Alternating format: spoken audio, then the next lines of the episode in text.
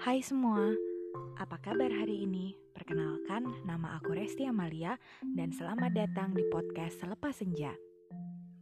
Di sini aku ingin berbagi, bukan menggurui. Menjadikan kamu sebagai kawan, bukan lawan ataupun hanya sekadar pendengar. Yang bisa bersisian dan saling merasakan membicarakan hal-hal keseharian yang mungkin terjadi, yang menarik untuk kita perbincangkan setelah kita selesai beraktivitas seharian selepas senja.